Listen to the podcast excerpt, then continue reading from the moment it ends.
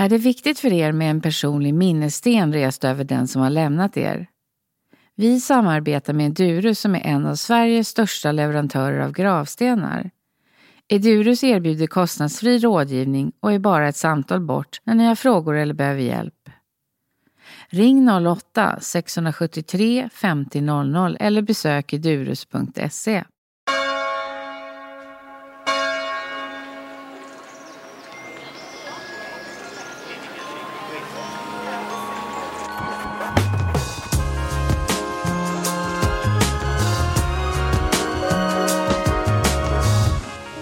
Välkommen Py Bäckman. Tack, tack. Du är sångare och låtskrivare. Ja.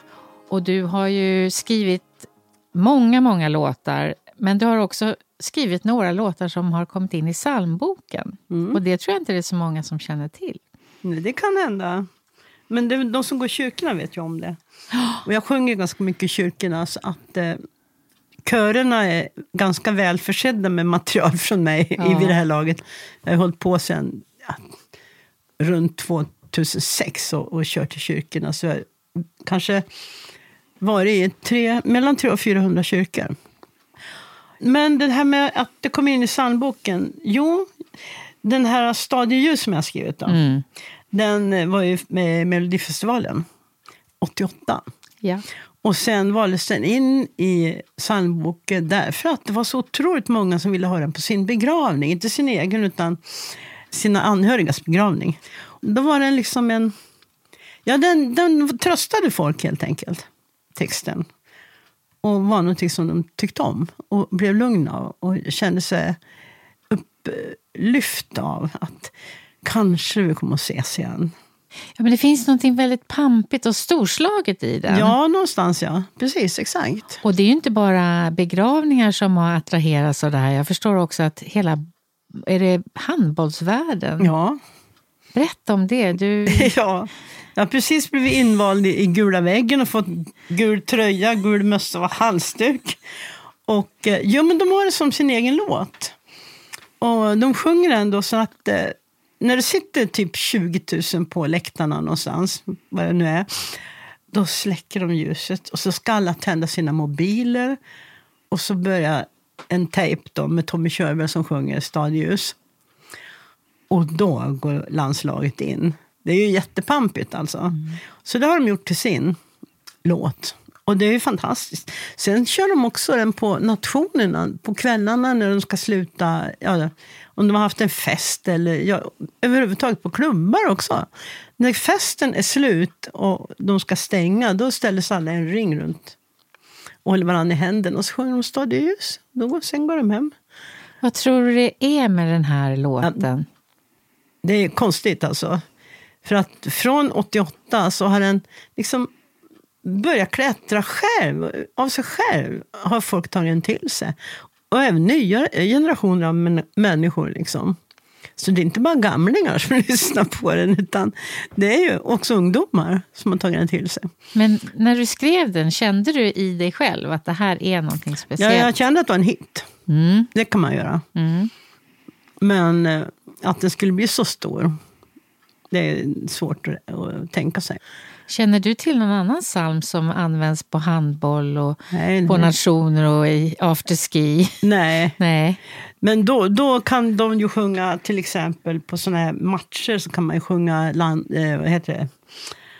våran nationalsång. Ja. Mm. Det gamla, det fria.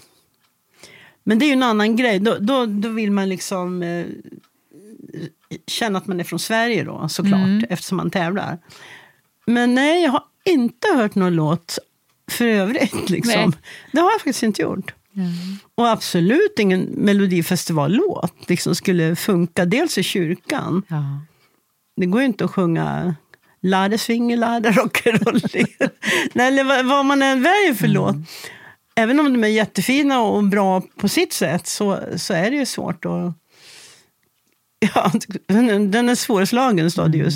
Men har den ett speciellt ställe i ditt hjärta också? Ja, det, det, absolut. Och varför? Herregud. Alltså den där skrev jag eh, vid ett tillfälle där jag tyckte det dog för många människor runt omkring mig. Liksom. Och eh, förmodligen så skrev jag den här texten för att trösta mig själv. Och allt som kommer från hjärtat, tror jag, eh, och det, det, som man gör på riktigt, då, att det kan kännas så de flesta människor runt omkring en. Vad tror du musiken har för betydelse just när det gäller begravningar? Ja, det, den har ju, det är väldigt många salmer som, som alltid kommer upp då. Ja.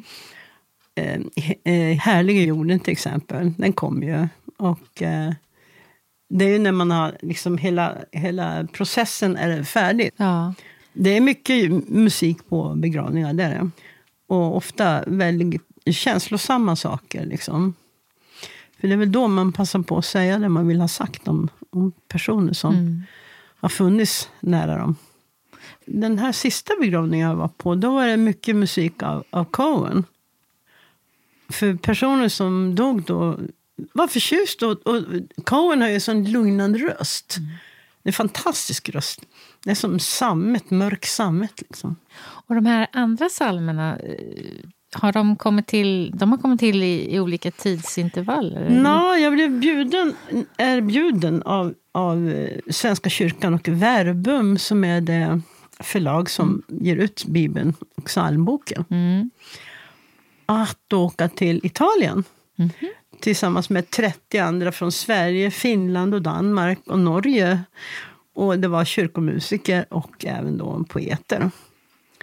Ylva Eggehorn var till exempel med. Mikael Wiehe var med också. Vi hade en samling först. Man satt runt ett stort bord. Och, och så kom, ja, blev det ens tur då. Man förklarade vem man var och vad man kanske hade gjort. Och Mikael Wiehe, han är rolig. Det första han sa jag tror inte på Gud, var det första han sa bland alla präster och sådär. Men eh, så var det väl då. Men han skrev en jättefin sak ändå, som, eh, som kom med. Mm. Och då, då var vi ett ställe utanför, inte i Rom, utan en bit utanför som heter Farfa. Och där låg ett Birgittinerkloster. Och där bodde vi en vecka på klostret och blev servade av nunnor hela dagarna med mat. och Vinet flödade kan jag säga. Vi fick vin hela tiden. Så jag tror att det gjorde att man lossnade lite grann. Nej, men det var jättetrevligt. Och så... ni skrev under tiden? Ja, då? ja. Tillsammans och separat? Eller? Både och kan man ja. säga. Eh, det fanns ju de som inte skrev texter, som bara var, bara var musiker. så att säga. Så fanns det de som bara var textförfattare mm. också. Och sen hade man ju en synt på sitt rum, så man kunde sitta och, och göra saker. Så jag skrev några där faktiskt. Um, Vad är Gud heter en låt till exempel. Mm. Den har kommit till användning när unga människor ska konfirmeras till exempel. Mm. För det är ofta den första frågan de får. Och vad är Gud för någonting? Det vill de ju veta. Eller få uppfattning om vad, vad det skulle kunna vara. Mm. En, en, kraft, något, något gott, något, eh, det är inget fult. Men ja, sen gjorde jag en dopsalm också. Men det skrev jag inte melodin själv, utan Hans Kennemark skrev melodin. För då sökte han en text. Och då fick han den texten och så mm. skrev han en melodi till den. Och den heter Lilla liv. Mm. Och då hade jag precis blivit mormor för uh, andra gången till en liten person som nu... Ja, det var 20 år sedan, för då var han nyfödd. Och nu ska han bli 20. Mm. Och odöpt blev han också, för nu skulle, då skulle pappa få bestämma över den pojken. För den första hade blivit döpt. Han blev döpt i Elvis-kostym. Sådana här utsvängda brallor och, och guldglasögon. Ja. Nej, vi tyckte bara... Mamma hade dött och hon gillade ju Elvis. Och tänkte, det var något sådär, hedra mm. henne på något mm. sätt. Då. Så den dopsången eh, blev aldrig... Inte i vår familj Men i alla för fall. många andra familjer? Ja, ja, ja, den går faktiskt väldigt bra. Ja. Ja, sen var det en norsk dopsalm också som jag översatte till svenska. Mm. Det sker ett under i världen, heter den. Mm. Jo, men de har gått bra, de här. Och nu har vi fått kallelse igen. då. Nu ska det ju lämnas in låtar till en... Hela psalmboken ska förnyas. Ja, ja. Men jag, jag, vet inte om jag lever så jag får se resultatet. Men jag har ju skickat in kanske en tio, tolv ja, ja. stycken.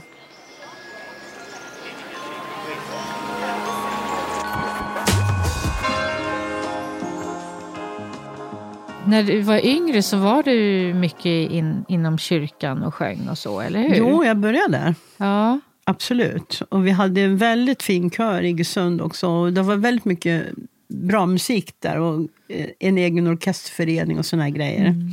Så vi satte ju upp eh, Händels Messias till exempel och Johannes Passionen och sådär. Och, och sjöng det. Och så kom det stjärnor från Stockholm och gjorde de här stora rollerna då, som Jesus och Judas och Herodes. Alla med. Och det var, det var, vi höll på att jobba ett helt år med den där, kommer jag ihåg. Jag var med, Johannes Passionen var jag med på. Och äntligen när det var klart, vilken, alltså, det var så bra som man höll på att dö. ja, det var ju jättebra. Det var stor musik liksom. Men det fick dig att börja med alltså, sjunga och musik och rockmusik så småningom. Men jag, menar, mm. jag undrar ändå om det här eh, inom kyrkan, om det har funnits med dig hela ja, tiden? Ja, absolut. Absolut. Jag debuterade ju där när jag var faktiskt endast tre år så sjöng jag solo för första gången i kyrkan. Mm.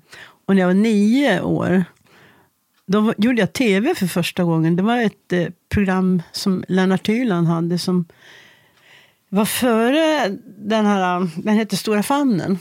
Så det var inte på Hylands hörna-tiden, då, utan det här var tidigare. Då var jag nio år. Wow. Och då sjöng jag en klassisk grej. Lärkan av von Heland. Så att jag började med klassiskt. Mm. Sen när jag blev tonåring och kom upp i puberteten och blev omöjlig att ha att göra med. Och då, då skulle jag sjunga rock såklart. Mormor tyckte att jag hade... Nej, det var inte något roligt. Hon, hon, hon var ju den som hade lärt mig sjunga och lärt mig alla de här sångerna. Men då, då hade ju Elvis kommit liksom. Och det var man ju snar att taka på liksom. Han var ju så otroligt ball då när han mm. kom. När jag var en åttaåring, typ. Och då, då lyssnade man på det. Det var ju liksom nya generationens musik. Mm. Och sen kom Beatles och, och, alla de här, liksom Stones och soulen kom. Och det fanns så otroligt mycket. Och då jobbade jag faktiskt på skivaffär ett tag. Jag blev bekant med de här Hepstars. Och då hade de dels då, alltså Heglandsfamiljen. Alltså Lelle som spelar bas. De hade dels en skivaffär som heter Södra skivbaren på Skånegatan. Och där stod jag och sålde plattor och lärde mig en jäkla massa musik. Och sen eh, hade de också en klädaffär.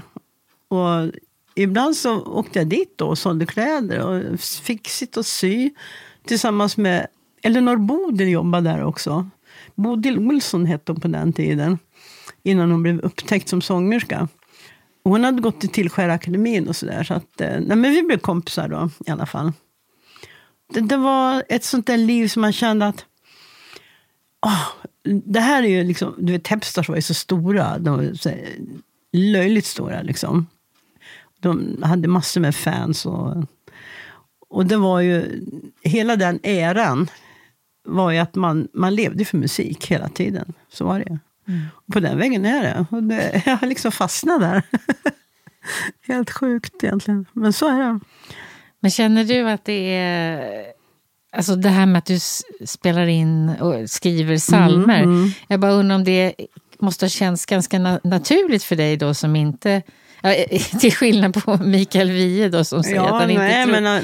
alltså, finns det någonting som du känner dig hemma i, i kyrkan och religionen? Ja, alltså absolut. Mm. Jag är uppväxt där liksom. Ja. Jag är eh, till exempel en, en unge som skulle gå på, i söndagsskolan varje söndag morgon. Så knallade man dit vid nio tiden på morgonen. Det var innan kyrkan öppnade. Och, jag vet inte när högmässan började, om det var elva eller någonting. Men söndagsskolan var i alla fall innan. Mm. Så då var det eh, några väldigt snälla söndagsskollärare som berättade om på ett enkelt sätt så vi förstod. För vi var ju småttingar. Liksom. Och så fick man en tidning med sig hem som heter Lillklassen. Och en annan som hette Barnens vän. Det var alltså Jesus då. och så hade de en liten sparbössa som man fick lägga ettöringar och tvåöringar och femöringar i. En knäböjande eh, mörkhyad man med, med vit... Eh, vit eh, Krås. Ja, och så varenda gång man lade ner slant så bockade han.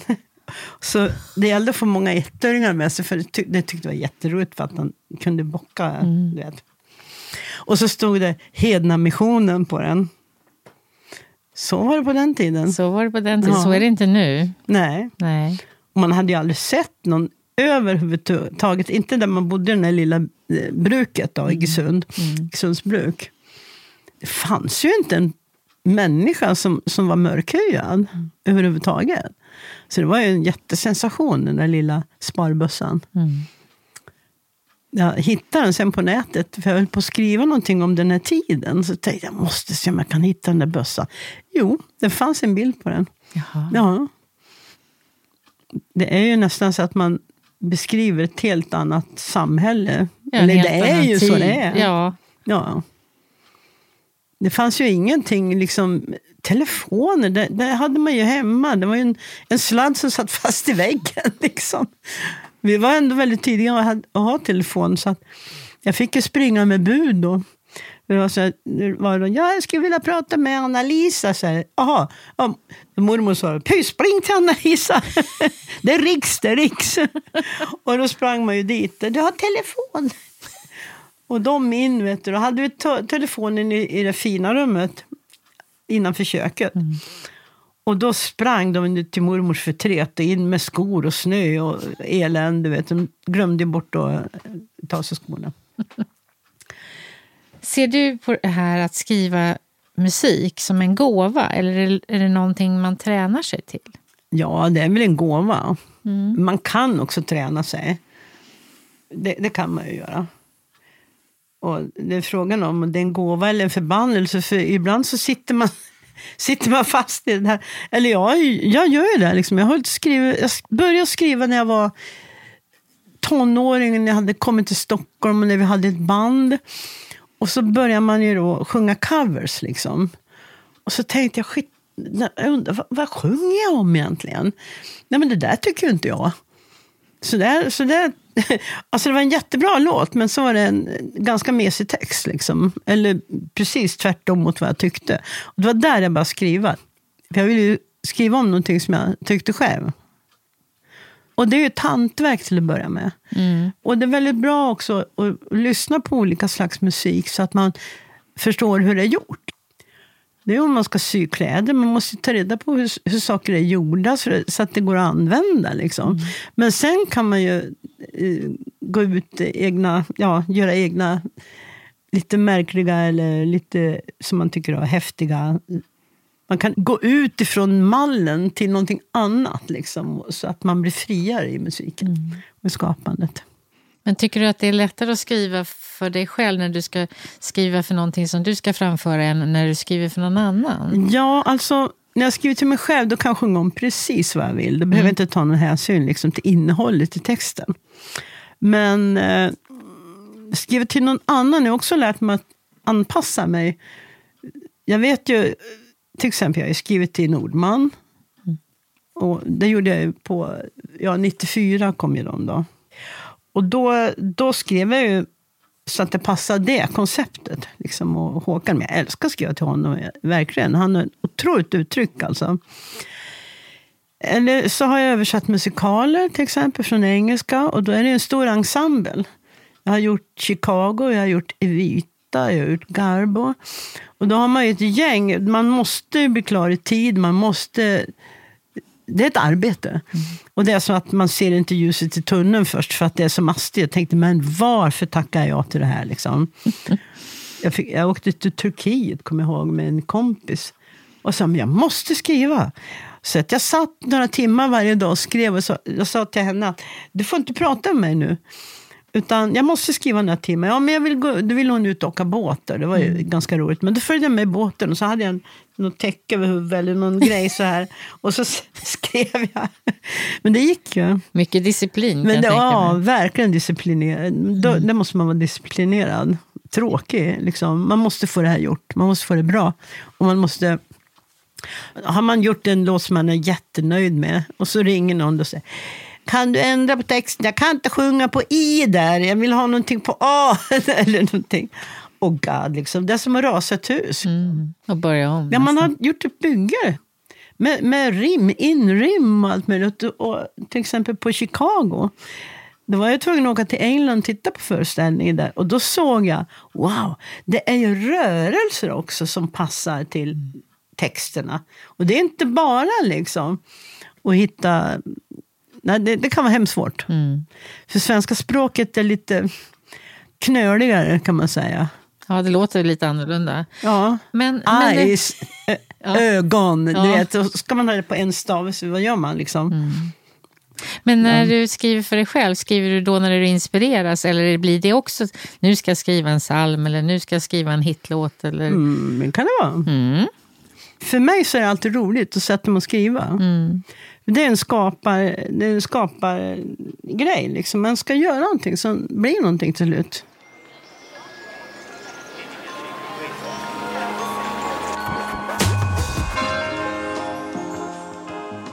Har du något minne av någon begravning när du var ung? Eller någonting så där du kände att tänk om man kunde förändra det här med musik eller något sånt? Ja, men när jag var väldigt ung, den första som, som jag tyckte om som dog, det var ju min morfar. Mm. Och då var det en prövning verkligen. Och jag, jag tålde inte se kistan. Och, det var, det var, och mormor grät ju. Alltså hon var totalt... Eh, när morfar hade dött, han var 69 när han dog. Och man brukar, I min familj så brukar man dö runt 70. Så jag överlevt alla, eh, faktiskt. Jag fyller 75 nu, jag tror inte det Nej, men jag tyckte att det var så dystert. Liksom. Jag kommer inte ens ihåg vad det var för musik. Det var så, man släpar sig igenom den där begravningsstunden. Liksom. Och sen var det mormor då, som gick. Sen var det alla mammas syskon. Och till slut mamma. Och eh, det blev liksom tommare och tommare.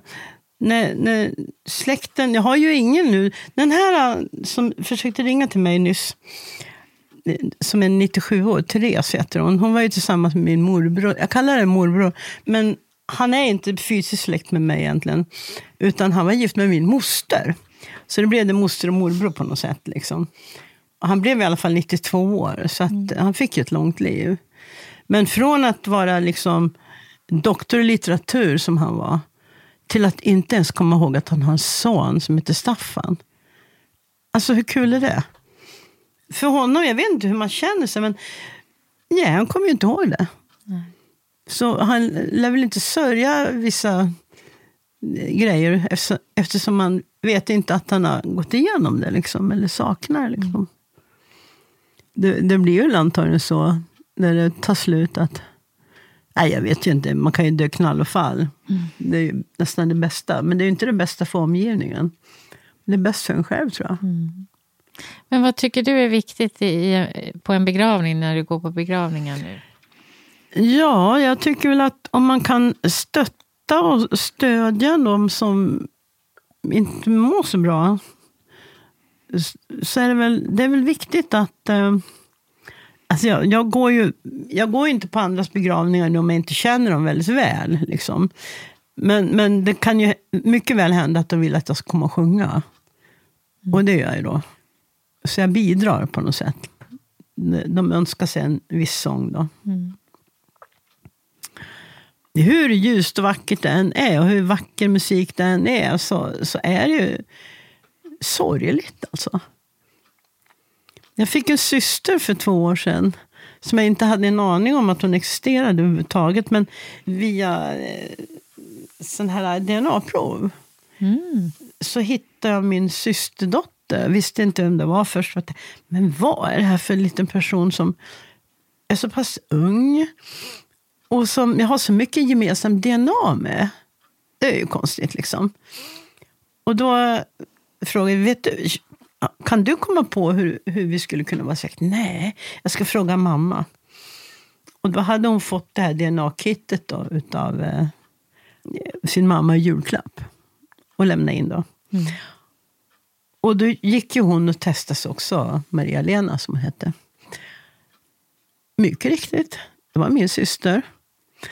Och då fick jag en bror också. Och han gick och testade sig, för hon visste att hon hade en bror som bodde i Trollhättan. Han hade ju ännu mer DNA. Som, man kan ju tydligen ärva mer eller mindre DNA från sin pappa. Och så vidare. Mm. Så henne hade jag som syster nu. Tyvärr dog hon för ett halvår sedan. Hon fick ont i ryggen och eh, sökte hjälp för det.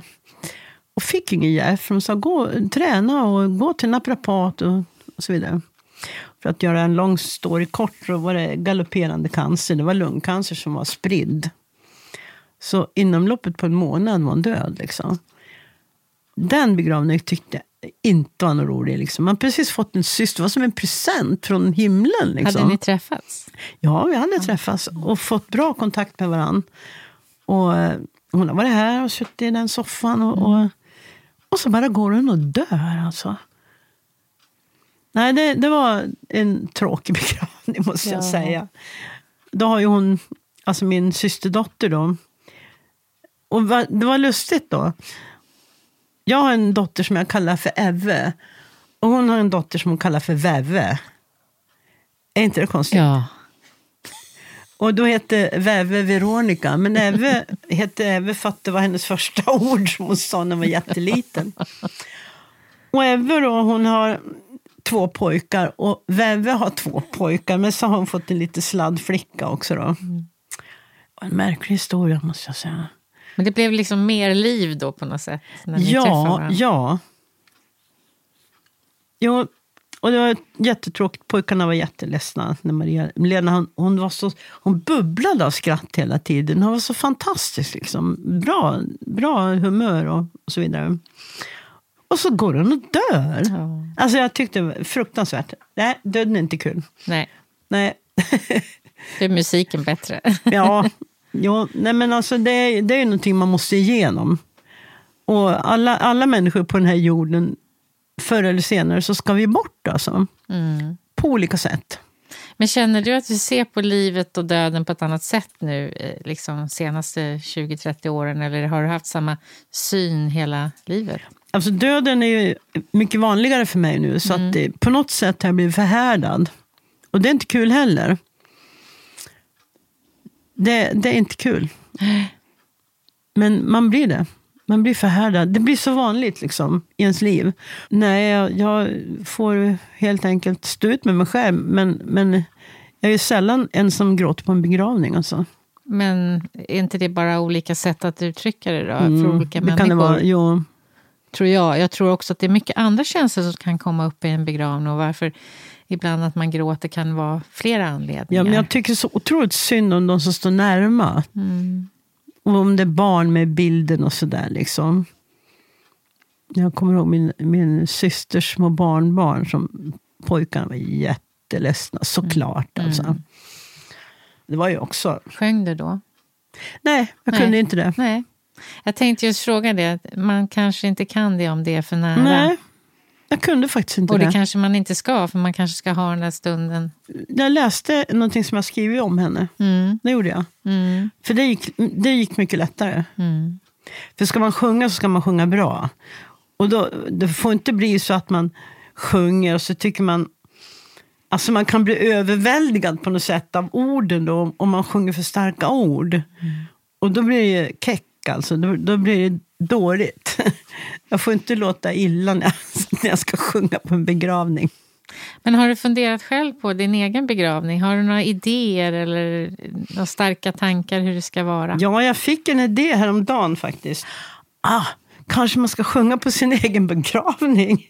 Ja, ja, varför inte? inspelad. Ja, absolut. Ja, Ja, nu. Nej, jag ska komma som ett spöke och stå där och skrämma. Nej, men alltså... Ja, kunde jag det så skulle jag naturligtvis göra det. Men eh, nej, men då måste det vara inspelat. Då kan man ju göra en förrättning. Så, ja, hej, det är jag. Men nu blev ni förvånade, eller hur? Jo, nu ska jag sjunga för er, förstår ni. Nu, nu har jag gjort några väldigt passande sånger som ni ska få höra. ja, men varför inte? ja. Ibland undrar jag om jag inte ska ändå begravas uppe i Iggesund eller Njutånger, där jag kommer ifrån. För där begravde jag min mamma. Mm. Och jag köpte en dubbelgrav där utifall att. Liksom. Och då kan det inte komma så mycket folk, tänkte jag. Det vet man inte. Nej, det vet man ju inte. Men eh, jag vet inte. Och en, egentligen så är det oväsentligt var man ligger, liksom, känner jag ibland. Mm. Vissa, det finns olika dagar, jag har olika idéer om det där. Men det är ganska oväsentligt. Liksom. För att det, det här är ju bara något skal. som Jag har ju sett många döda.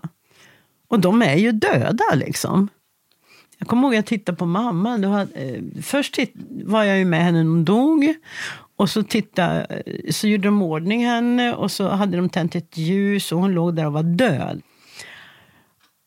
Och sen var det dumt, no, dumt nog så, det finns ju såna här, vad kallas det för? Man, man tittar på dem innan begravningen. Ja. Bisättning, heter Bisättning. det. Ja. Mm. Och då skulle jag ju titta på henne då. Men då ångrar jag faktiskt. Ja. För då är det inte min mamma längre. Nej. För, men, men faktum är att eh, ögonen, ögonbrynen och, och näsan var lik sig. Och jag pussade henne på pannan och hon luktade mamma alltså, fortfarande. Mm. Fantastiskt alltså. Men däremot munnen då, den hade ju liksom torkat ihop va, på något sätt. Mm. Och, nej, hon var inte lik sig över munnen. Hon hade verk, verkligen fin mun, morsan annars. Men det där vet man ju inte om man ångrar sig om man inte gör det eller ångrar sig om man gör det. Ska man titta på och ta farväl, så att säga. För min egen del så, så är det nog bäst att göra det precis när de är ny, nyss avlidna, så att säga. Förutom då en stackars, min dotters stackars farfar som vi skulle åka in och säga adjö till sjukhuset. Då. då var han död sedan en timme tillbaka. Han var 101 och ett halvt år. Oj. Ja, åh gud. Pojkarna blev nästan rädda, vet du. Nej, men han var ju så gul. Han, du vet, det, går ju gifter ut i kroppen när man, när man håller på att dö. Och han hade otroligt gulsot, liksom. Så han var saffransgul, kan man säga. Och satt och gapade med och stirrande ögon. Och jag tyckte så synd om honom på sätt och vis. Världens snällaste och gladaste farbror liksom, som var med ända till slutet. Han var otroligt bra på att lösa korsord. Och det gjorde han till den dagen han dog. Alltså. Och när han skulle in på sjukhus så gick han själv till ambulansen tyckte han jag kan gå. Men så dog han ju där. Det är så olika med människor hur de ser ut när de har dött. Liksom. Det, jag måste säga det. Det är så. Och han, det var inte bra att ta med sig barnen dit. Och pojkarna var ju ja, de var 15, 16, 17 någonstans där. Det är många gånger vi tar såna här beslut om vi ska träffa någon eller inte. Eller vi, någon, eh, Våra föräldrar dör nära oss och så. Det, vi har ju aldrig varit med om det förut. Det är Nej. ju första gången. Nej, precis. Så man kan ju inte veta. Nej, det kan man inte. Och inte är Och man det, det förberedd behöver heller. inte upprepa sig, alltså vad en annan människa är med Nej. om. Det behöver inte alls vara så. Nej, men jag hörde, jag, jag tror inte att det är så vanligt och tillåtet i Sverige, men att man kan, om man bränner sig, kremeras alltså, Mm. och så kan de på något sätt trycka ihop askan och göra en diamant. Jag tror att, jag vet inte om man kan göra en diamant, men jag, man kan göra en sten. En sten i alla fall. Ja, Ja. Det tror jag man kan göra här också. Det är ju intressant. Tjena, här är här. Ringen. ja, det är en variant. Och sen kan man ju skicka upp, skicka upp säg en, en raketliknande historia. Om det nu ska vara bra man kanske för kan bli någonting. en stjärna. Ja. Bäst att passa på när man lever och försöka. Nej, men det är ju tvärtom. När det finns en otroligt bra dikt som handlar om att en soldat stod på vakt och eh, tänkte på sina nära släktingar och sådär. Han var ute i kriget. Och så ser han en strimma, en stjärna som faller. Och då tänker han, ja, tänk, det kanske är någon som, som ska dö. Och han hann tänka ganska mycket. Och så slutar dikten med, så föll ett skott.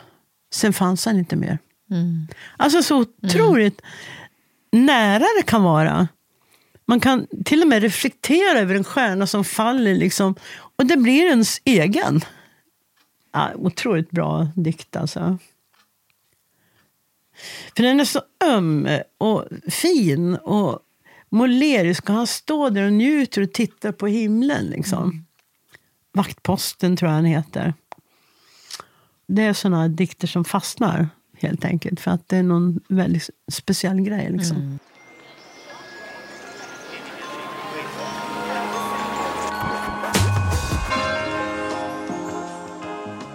Nej, men jag tror att eh, man kan hitta ord, och man letar efter ord och uttryck vid, vid begravningar.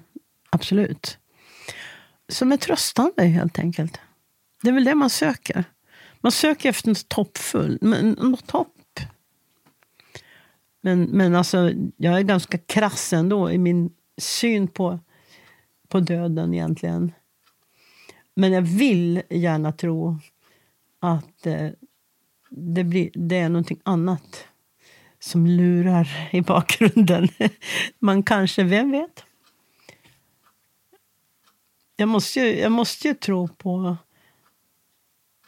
Ja. Jag måste kunna tro på en större eh, och en stor kraft liksom, och en god kraft. Det, det vill jag ju tro på. Som vi kan kalla Gud. Men det, det, så är många säger, nej men jag tror inte på Gud. Nej men vad, vad, tror du Gud är för någonting? Ja, jag tror inte på att det är en gubbe med skägg som sitter. Det tror inte jag heller. Liksom. Det blir så futtigt. Jag tror inte på Gud. Ja, då, då, ska, då tror man att det är en gubbe med skägg. Men det är när man kommer in i kyrkan och så ser man ju Gud på det sättet. Liksom. Men hur ska man uttrycka en sån, en sån kraft? Då? Men ändå dras man ju till sånger som Ja, den här The Maker till exempel.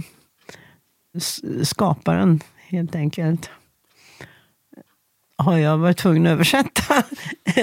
Eller ja, åtminstone tolka. Mm. Den är otroligt fin. Och det finns någonting rörande i det här. Liksom. Tänk om det skulle vara så att, att man på något sätt man, man, man tror på Bibelns ord, ord om man ska bli uppväckt ifrån de döda. Och då ska man... Alla, alla begravningar, som man tittar på vad de skriver i begravningsannonser. Mm. Eller, eller de säger så här, men nu har du kommit hem till mamma. Nu är ni två tillsammans igen. Och de säger på riktigt liksom. Mm.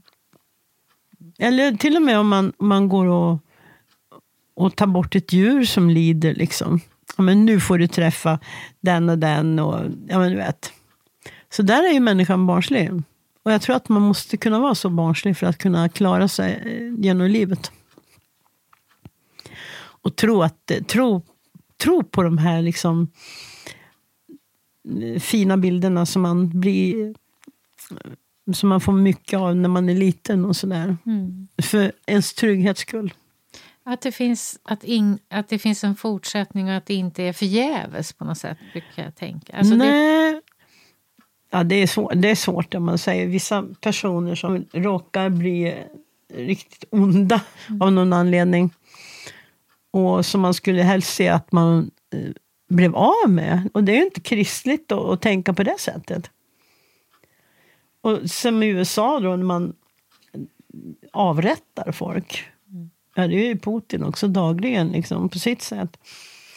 Men eh, att inte ett människoliv kan betyda någonting överhuvudtaget. Det är en stor fråga alltså. Mm. Det kanske inte finns så många salmer som handlar om, som är skrivna för begravningen i sig, utan det är eller? Mm, det, det, finns i och för sig ja. en hel del. Det kanske inte finns så många nya? Um, jag tror för många så är musik, för en del är liksom blommorna viktigt och det är viktigt hur det är i kyrkan och hur prästen säger det. Men musiken är ändå någonting som alla kan haka i ja. på något sätt. ja, man... det är väldigt mycket ritualer alltså. Ja. Och det, det, men det är det ju också vid dop och konfirmation ja. och även då man ska gifta sig ja. till exempel. I, ja, inom kyrkan så är det ju kyrkan. det. Och det är ju, det är ju något att hålla i så att säga. Ja, nu är det väldigt många som lämnar kyrkan men sen vill de ändå använda den till dop och, ja, till ritualen. Och, ritualen, precis. Ja. Men jag tänker just vad det där med musiken gör. Jag tänker, du, du har ju levt med musiken hela ditt liv. Att antingen att du skriver själv eller att du samarbetar med en person eller flera. Det måste ju vara så att man kan mötas på ett visst plan. Ja.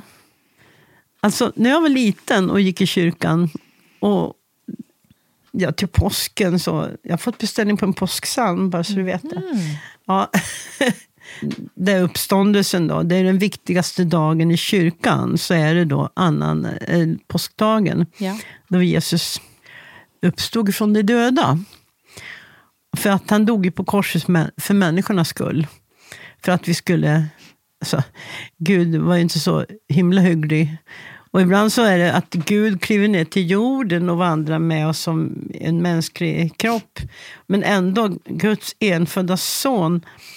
Ja, när jag var liten, då var det väldigt mycket, och framförallt till påsken, så var det långfredagen och sån här. Det fann, var väldigt dystra salmer.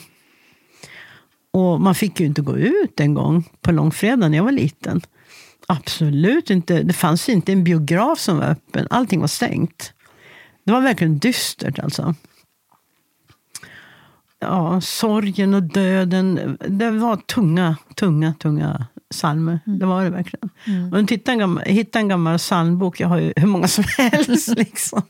Från tidernas begynnelse. När det står på, man kan få lära sig att läsa gammelsvenska. Liksom. Och den här gotiska stilen. Där inte bokstäverna är, är liksom, som de ser ut nu idag. Det har jag lärt mig. Och där är, där är det verkligen tunga texter. Och, och dånande predikningar. Liksom, där är inte Gud snäll. Där, de, jag tror att man har skrämt människan mer för, för Gud förr. Det är vad jag tror. Man skulle skrämmas till tro. Och så är det ju inte på samma inte sätt i den svenska nej. kyrkan idag. Nej, det är ju inte. Nej. Och det kanske skildras då också i psalmerna som man väljer. Ja, absolut. Mm. Sorgen och glädjen de vandrar tillsammans. Da, da, da, di, da, da, di, da, da, da. Nej, men det var så här, också melodierna gick i moll. Mm. Nej, men alltså det finns ju mycket ljusa fina psalmer också som, som man sjunger till skolavslutningar eller till... Jag har ju skrivit en, en del som man kan gifta sig till också, såna grejer. Den här Gabriellas sång. Men Gabriellas sång, jo, den har ju Stefan Nilsson och jag gjort. Och han har gjort melodin och jag har gjort texten. Och det var ju till den här filmen Så som i himmelen. Mm. Och då i filmen sjöng Helen, Helen Sjöholm den här då. Hon var den där förtryckta kvinnan som vars make Conny, den arga Conny, han hade till och med varit taskig mot den här kompositören eller dirigenten när han var liten och jäklas. Och så kommer dirigenten tillbaka till byn. Och då är han fortfarande, den första han möter så är det Conny som fortfarande jävlas. Liksom. Så att det gällde att läsa manuset där och se vad handlar det här om. Och vad vill han göra? Jo, han vill väcka någon slags styrka i henne. Att stå nu för den du är. Så han skrev ju den här sången till henne. Men det är, det är jag som har skrivit den då egentligen. Ja. Men herregud, man har en hel film som en, som en video. Så den har ju blivit otroligt stor, inte bara Sverige. Utan det är hur många länder som helst som har sett den här filmen och som försöker sjunga den låten. Och från början var jag ganska noga med att se att eh, de skrev, följde originaltexten då, vilken var min. De som var översatta, men sen gick det ju inte längre. Nej. Inte när det kom grejer från eh, typ eh, Kina och Japan och eh, på afrikaner. Alltså, du anar inte vilka språk. Det går inte att, det går inte att fortsätta. Man får ge upp. Liksom. Mm. Okej, det här handlar låten om. Skriv så gott ni kan om det här. Liksom. Och det har den gjort, men ibland kan det barka iväg och bli något annat. Vad ser du att den låten har för För meddelande? funktion? Ja. Ja, det är ju det att man ska inte låta någon ta ner sig själv. Liksom.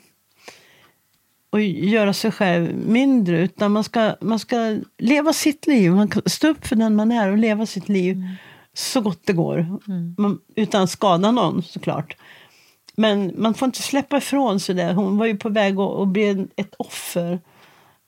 Man får inte bli ett offer för omständigheter. Liksom. Eller för någon annan person mm. som vill förminska Det kan vara en arbetsgivare, det kan vara liksom vad som mm. helst egentligen. Det måste ju inte vara någon äkta make eller någonting. Utan, och, och killar är ju säkert i samma situation också. Även om det är lite vanligare att tjejerna eh, hamnar i, i såna här dilemmor. Den har ju någonting hoppfullt. Ja, det har den verkligen. Ja. Och det, det är väl någonting som jag tycker är bra att kunna förmedla. Ja. Att det finns ju hopp. Det går att glömma sorger. Det går att komma över oförrätter. Man, man kan inte bara älta med och släppa det. Mm. Man kan inte gå och bära en börda liksom hela tiden. Släpp mm. Och gå, gå framåt. Tack Py Bäckman för att du ger oss så mycket hopp. Tack snälla. Gå gärna in och prenumerera på Min död, min begravning. Då får du reda på när nya avsnitt släpps och där kan du betygsätta podden. Och då hjälper du andra att hitta oss. Tack för att du har lyssnat.